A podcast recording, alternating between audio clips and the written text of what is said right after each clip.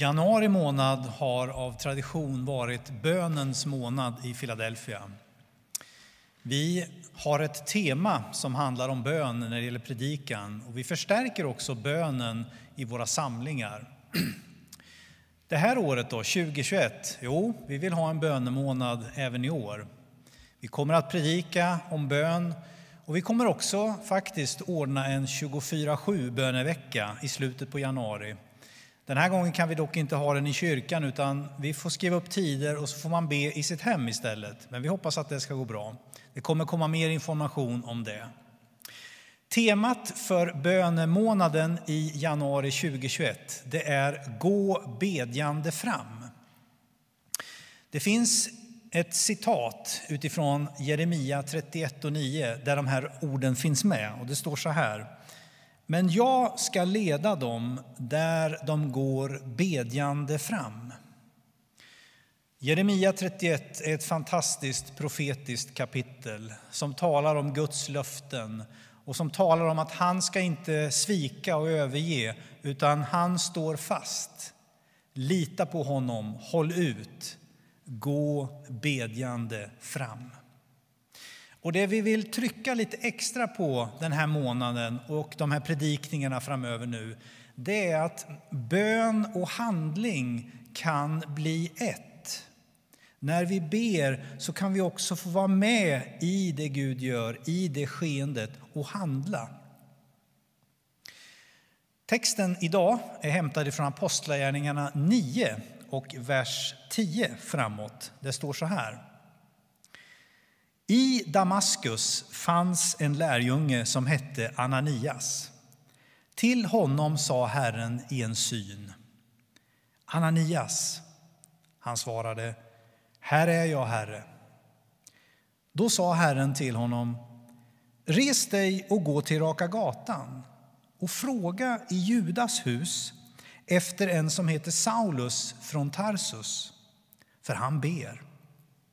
I en syn har han sett hur en man som heter Ananias kommer in och lägger händerna på honom så att han kan se igen. Ananias svarade, Herre, jag har hört av många hur mycket ont den mannen har gjort mot de heliga i Jerusalem. Och nu är han här med fullmakt från översteprästerna att gripa alla som åkallar ditt namn.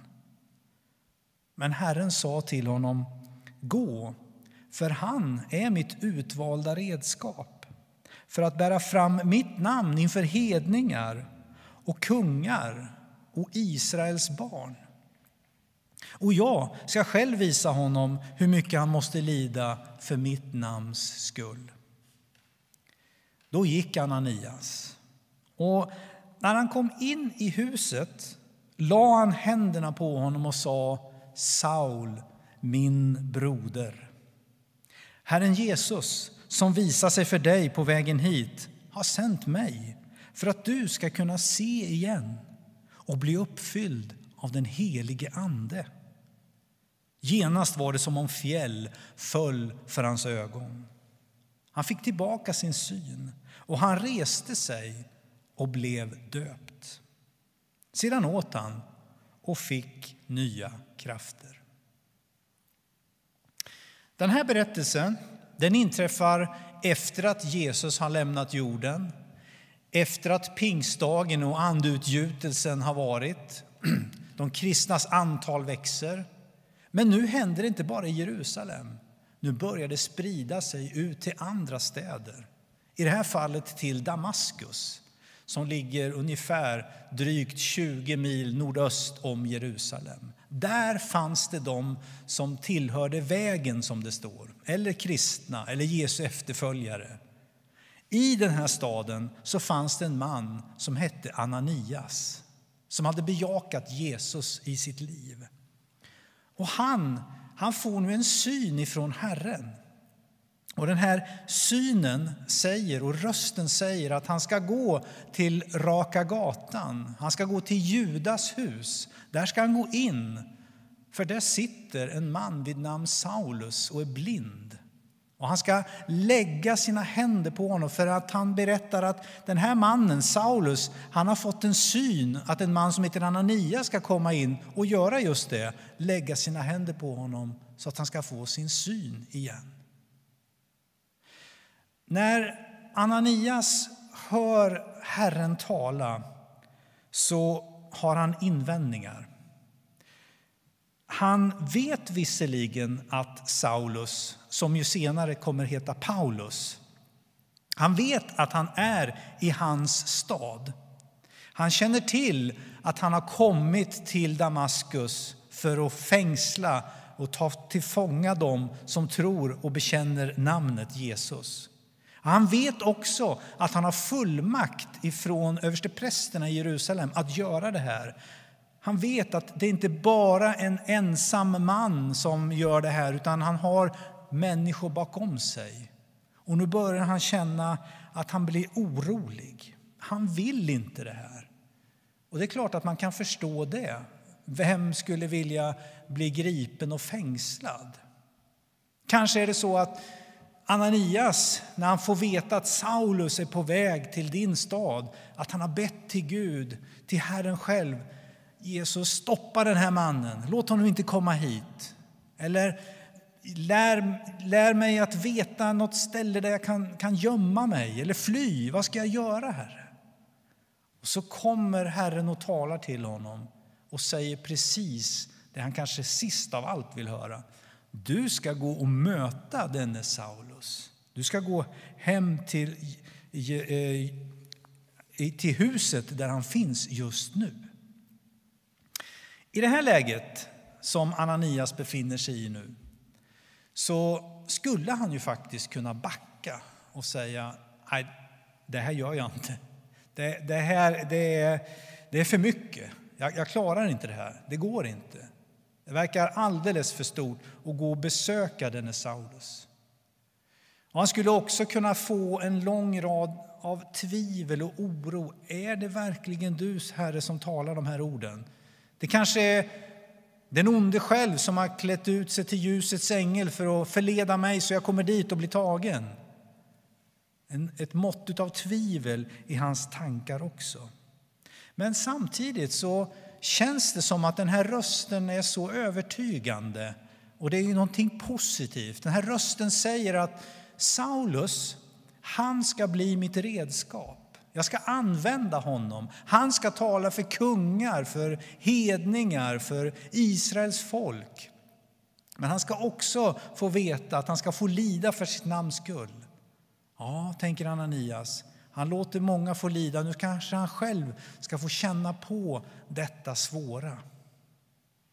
Och dessutom så säger rösten att du, Ananias, ska få vara med om att förlösa hans ögon så att han ska få se igen, för han är nämligen blind.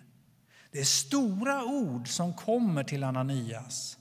Ska han göra det här? Eller ska han verkligen säga nej till Herren om det är från Herren? Ska han stoppa de tankar och planer som Gud har just nu? Han står inför ett val. Ska han välja att gå eller fly? Han går, eller han gick, står det. Vi vet inte hur han gick. Kanske han gick där med en förväntan att se. Det här ska bli spännande att se. Men kanske var det också med ett mått av osäkerhet och, och rädsla. Jag tror att det är Gud, men tänk om det inte är det. Så kommer han fram. Han tittar in i huset och han ser att det sitter en man där, Saulus, och han är verkligen blind. Och när han kommer in så lägger han sina händer på honom och så säger han Saulus, min broder. Nu är han helt övertygad. Han är inte alls rädd längre. Han är säker på det här är förberett. Det är precis som det är sagt. Jag får träda in i det här nu. Det är exakt precis som Herren har talat. Och inte bara att Saulus ska få sin syn igen.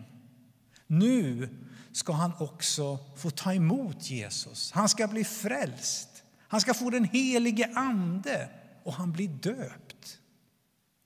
Min broder. Härifrån börjar ett släktskap mellan dessa båda personer. När vi läser den här texten så kan ju vi tänka Åh, vilken härlig, fantastisk berättelse om hur den kristna tron börjar spridas och Gud var verkligen närvarande då. Men vi kan också läsa den här texten precis på samma sätt och känna det är fascinerande att se. Men ändå undra, men Herre, är det möjligt även idag att vi kan få se och uppleva något liknande?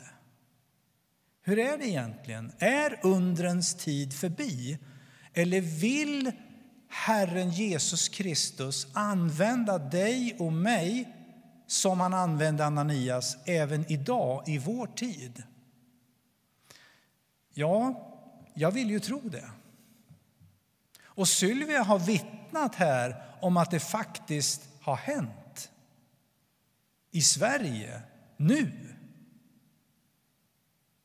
Inte kanske så jättedramatiskt som för Ananias. Det var inget under med i bilden, men parallellerna är väldigt lika. En bild, en syn, en tydlig budskap som också kom rätt och landade rätt. När vi talar om bön så kanske vi har en bild av vad bön är. Ja, men bön det är ju när jag talar med Gud. Jag, jag tackar och jag tillber och jag önskar av Gud och kanske begär av Gud och jag ber för människor i hans namn och så vidare. Där jag är väldigt mycket i centrum. Men bön är ju också någonting annat. Det är ju faktiskt att, att lyssna. Att, att höra vad Gud säger. Eh, det verkar som att Ananias har en vana vid att lyssna till Herren. När han får den här synen eller när han hör den här rösten så blir han för det första inte rädd eller oh, vad är det här för någonting som händer nu? Det här känner jag inte alls igen.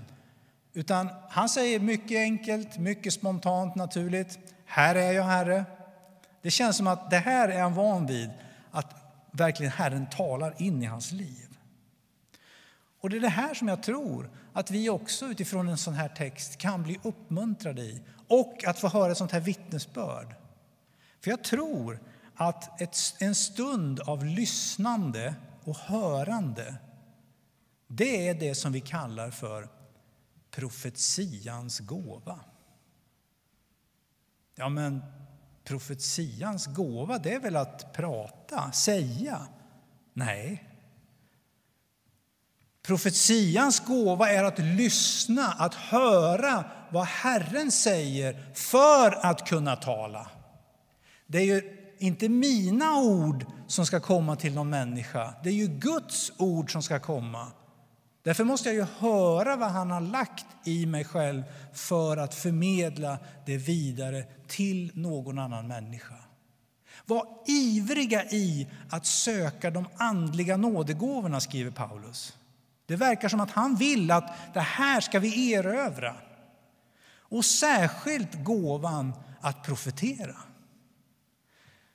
Jag ser det som en uppmaning även i vår tid att vi ska vara ivriga i att söka det här. Säga till Herren, jag vill höra, jag vill lyssna, jag vill vara ett redskap för dig i vår tid. Och sen kan det bli precis så här som Sylvia också gav uttryck för, en känsla av ska jag skriva det här smset, ska jag göra det här? En liten kamp, precis som Ananias kände kanske när han skulle gå iväg. Hur blir det här nu då? Ett tvivel. Vi får gå på det. Herre, jag går på det här. Jag går bedjande fram. När Ananias gick till huset där Saul fanns så gick han bedjande fram. Och när du och jag får förmedla något så får vi göra det bedjande. Men vi är med, vi är aktiva, vi är delaktiga i det Herren vill göra. Och det står ju i texten här att Saulus ber, också de här raderna efter. I en syn har han sett hur en man som heter Ananias kommer in och lägger händerna på honom så han kan se igen. Vad ber Paulus om, eller Saulus? Jo, han ber och så kommer synen. Det är ju det här som han är inne i. Jag är blind. Var är du, Gud? Finns du här? Och så ser han den här synen, att han ska få tillbaks sin syn. Det är det som är hans bön. Och så kommer Ananias där. Ananias är bönesvaret. Ananias fick vara bönesvaret till Saulus. Det är inte någonting annat än ett stort Guds under. Det är verkligen så att det är Herren själv som gör undret. Men han använder Ananias. Han låter honom få vara med. Ibland kanske vi tänker så här att ja, men Gud vill att jag ska göra det här och så står Gud och tittar på. Jag tror det är precis tvärtom. Gud gör saker hela tiden i vår värld. Och så vill han använda oss i det han gör. För det här är väldigt tydligt att det är han som gör någonting. Och så använder han Ananias för sitt redskap, som ett redskap för vad Gud håller på med. Så egentligen är ju Ananias bara en del av det Gud gör. Och det tror jag är precis det Sylvia upplevde och som vi också kan få känna. Gud gör någonting och han vill plocka in oss i det han gör. Att gå bedjande fram, det är Herren som gör det. Om du känner att du får ett, ett, ett uppdrag eller en tanke så, så ska du inte vifta bort det där för snabbt och tänka att det där var nog bara ett infall. Utan fråga verkligen Herren, är det du? Vill du att jag ska göra det här? Jag, jag känner att jag, jag måste ta det här på allvar. Jag vill bli använd av dig. Och om du bejakar det, så utgå inte ifrån att nu kommer jag in i ett sammanhang där jag verkligen känns som att nu måste jag förklara fullt ut vad som har hänt och så vidare. Ja, det kan du göra. Men utgå ifrån att Herren har redan varit där. När du kommer dit så är det förberett, marken är klar. Du kommer in som ett bönesvar. Du får vara bönesvaret. Det profetiska är svar på någons böner. Det är det som är det profetiska. Det är en samklang där Gud verkar och där han gör. Till sist, vad är egentligen poängen med det här? Varför gör Gud på det här sättet? För Gud kan ju, han kunde ju säkert gjort att Paulus eller Saulus då fick sin syn tillbaka utan att Ananias hade kommit dit. Ja visst, det kunde han gjort. Men vi hörde det också, det Sylvia sa här. Tron för Ananias blir ju så mycket starkare. Den som får vara med än den som tittar på påverkas ju mycket mer. Jag var med i det här. Gud använde mig. Jag, jag, tror verkligen, jag såg verkligen, jag gjorde verkligen. Tron blir starkare, tilliten till honom. Man vågar mer och gör det nästa gång kanske ännu tydligare. Att få vara med. Dessutom som vi hörde också i vittnesbördet, det här blev ju någonting som den här personen som fick det här tilltalet vittnade om. Han pratade med en annan person. Förstår du vad det här betydde för mig? Den andra personen står och lyssnar. Jaha, Gud kanske är levande idag. Gud kanske verkar idag. När Ananias går iväg med sitt bönesvar så tror inte jag att han höll det här tyst för sig själv. Det här talade han om. Och Paulus, när han berättade om sin omvändelse, kunde säga att det kom också en man som hette Ananias som bekräftade allting. Så allting görs för att bygga upp, för att det ska bli starkare. Och för det andra, när Herren talar så skapar det ju glädje. Tänk vad många röster vi lyssnar till idag. Vi, vi fullständigt sköljs över av både nyheter och intryck och människor som pratar. Och ofta är det ju tyvärr svåra budskap. Vi har en tung tid. Det är så jobbigt just nu. Och allt detta, ja visst, visst är det det. Men det finns ju mycket fantastiskt som händer. Gud har allt i sin hand. Gud är med oss. Och att få ett sånt här budskap där man får göra det här och känna jag vill det här, det lyfter ju människor. Det är ju glädje i det här. Det skapar ju glädje. Gud vill involvera dig och mig för att Andens frukter som är kärlek och glädje ska få komma till uttryck. Och det är det som sker när vi går bedjande fram, när vi går på vad Herren har sagt och ser att det stämde. Då är vi upplyfta, då är vi glada. Då sitter vi inte försjunkna och tycker att livet är så jobbigt. Utan vi ser att Gud är större än så. Herre, han är med. Han skapar mod och glädje runt omkring sig. Och det sista. Saul, min broder, säger, säger eh, Ananias när han lägger sina händer på Saulus. Ja, men det var ju en fiende han lägger sina händer på. Han skulle ju kunna ha lagt sina händer och sagt Saulus, du din hänsynslöse förföljare, nu du. Och han hade ju haft rätt i det. Men nu plötsligt är det som att nu är de bröder. Ananias är fullständigt kärleksfull och vilken enorm vänskap som uppstår i detta möte. De människor som möts i Herrens namn upplever att vänskapen kommer in på ett mycket, mycket djupare plan än det ytliga.